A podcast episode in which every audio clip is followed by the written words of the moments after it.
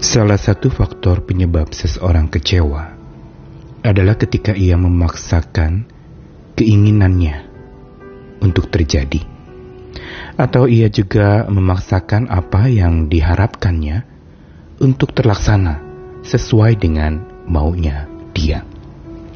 Dan karena itu, kekecewaan tidak bisa tidak akan datang menghampiri, karena kalau Orang yang berani berharap dia harus berani kecewa bila apa yang diharapkannya itu tidak terjadi.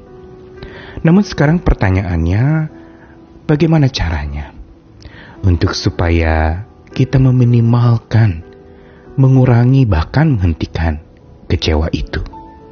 Ada sementara orang mengatakan, kalau tidak mau kecewa, jangan berharap. Atau kalau mau pulih dari kecewa, berhentilah berharap. Jangan berharap apa-apa, jangan menginginkan apa-apa, maka engkau tidak akan kecewa. Namun pertanyaan lebih lanjut lagi adalah apakah mungkin seseorang tidak menginginkan atau mengharapkan sesuatu? Sebagai manusia yang diciptakan dengan ego, dengan keinginan dan kehendak dalam diri, pasti seseorang memiliki pengharapan-pengharapan, juga dalam kondisi-kondisi tertentu.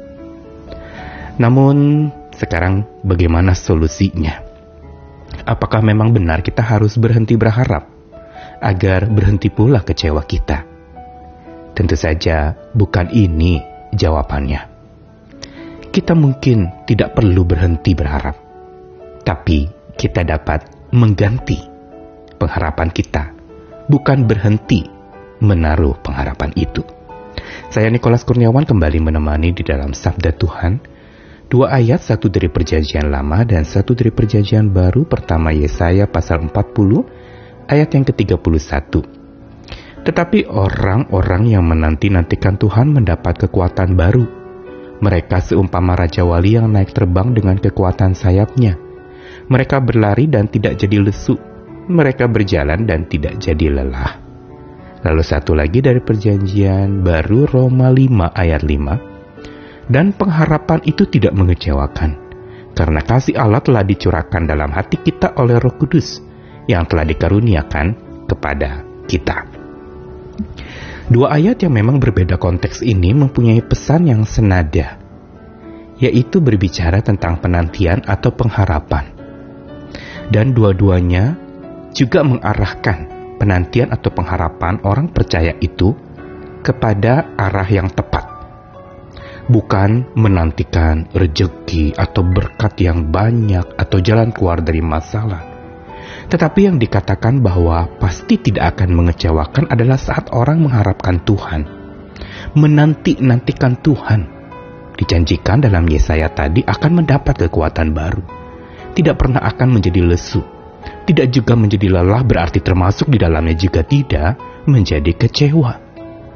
Dan begitu pula apa yang Paulus katakan kepada jemaat di Roma mengatakan bahwa pengharapan itu tidak akan mengecewakan. Karena kasih Tuhan telah dicurahkan dalam hati manusia.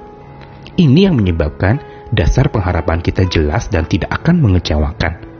Karena dasar pengharapan kita berdasarkan kasih Allah. Bukan kasih yang kita miliki yang serba terbatas. Juga bukan cinta diri yang begitu berlebihan atau cinta harta yang terus-menerus tidak kunjung usai. Kedua ayat ini ingin memberitahukan kepada kita tentang apa yang harusnya dan apa yang sebaiknya kita harapkan di dalam hidup ini. Kita perlu untuk menata dan melihat apa yang sebenarnya kita harapkan dan telusuri di dalamnya mengapa kita mengharapkan itu. Bila itu yang kita harapkan adalah untuk kepentingan diri kita sendiri, harga diri kita, kehormatan kita, atau gengsi kita agar itu bisa terlaksana dan supaya kita tidak menjadi malu, tentu saja ini sebuah pengharapan yang akan sia-sia. Karena pengharapan yang berpusat kepada diri sendiri tentu saja akan melukai diri sendiri. Tetapi bila pengharapan kita adalah pertolongan Tuhan yang Maha Kuasa, Pencipta langit dan bumi, penguasa jagat raya dan alam semesta, maka itu tidak pernah akan mengecewakan. Hanya memang kita perlu menata dan bersabar menantikan apa yang kita harapkan, menantikan pertolongan Tuhan yang kita nanti-nantikan itu. Karena itu untuk menghentikan kecewa bukan dengan berhenti berharap tapi mengganti. Bukan berhenti tapi mengganti. Mengganti apa yang kita harapkan. Gantilah segala pengharapan kita yang berpusat kepada diri kita sendiri dan demi kepentingan diri kita sendiri. Dengan pengharapan yang berpusat kepada Tuhan. Pertolongan yang dari Tuhan misalnya, keselamatan yang dari Tuhan, kelegaan yang dari Tuhan, dan itu semua Tuhan pahami dalam hidup kita. Dan bukan itu saja, untuk menghentikan kecewa bukan dengan berhenti berharap, tapi dengan mengganti bukan saja apa yang kita harapkan, tapi juga mengganti kepada siapa kita berharap. Kalau kita berharap kepada manusia, ya jelas saja kita akan kecewa.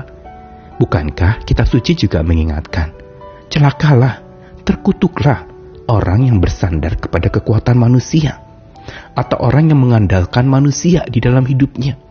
Tapi orang yang kepada Tuhan berharap. Orang yang mengharapkan Tuhan semata.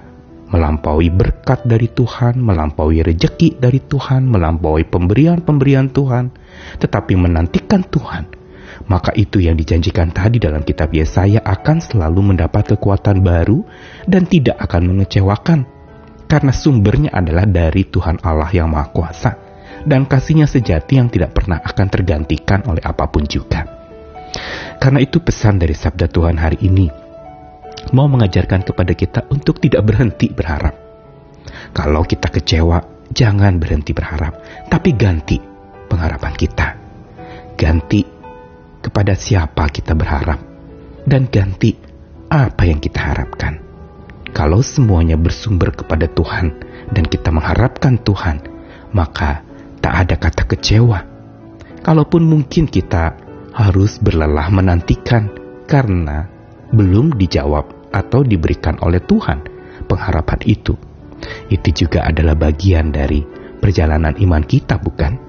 Untuk supaya di dalam jalan yang sering kali terlunta-lunta dan terseok-seok Tuhan sedang tetap penuh cinta, melingkupi kita dengan cintanya, dan membuat kita menjadi makin elok, walaupun harus terseok-seok. Mari kita jalani lagi hidup kita, mari kita tetap berharap kepada Tuhan dan segala sesuatu yang asalnya dari Tuhan. Selamat berharap, selamat tetap semangat, berjuang bersama dengan kekuatan iman, pengharapan, dan kasih dari Tuhan. Amin.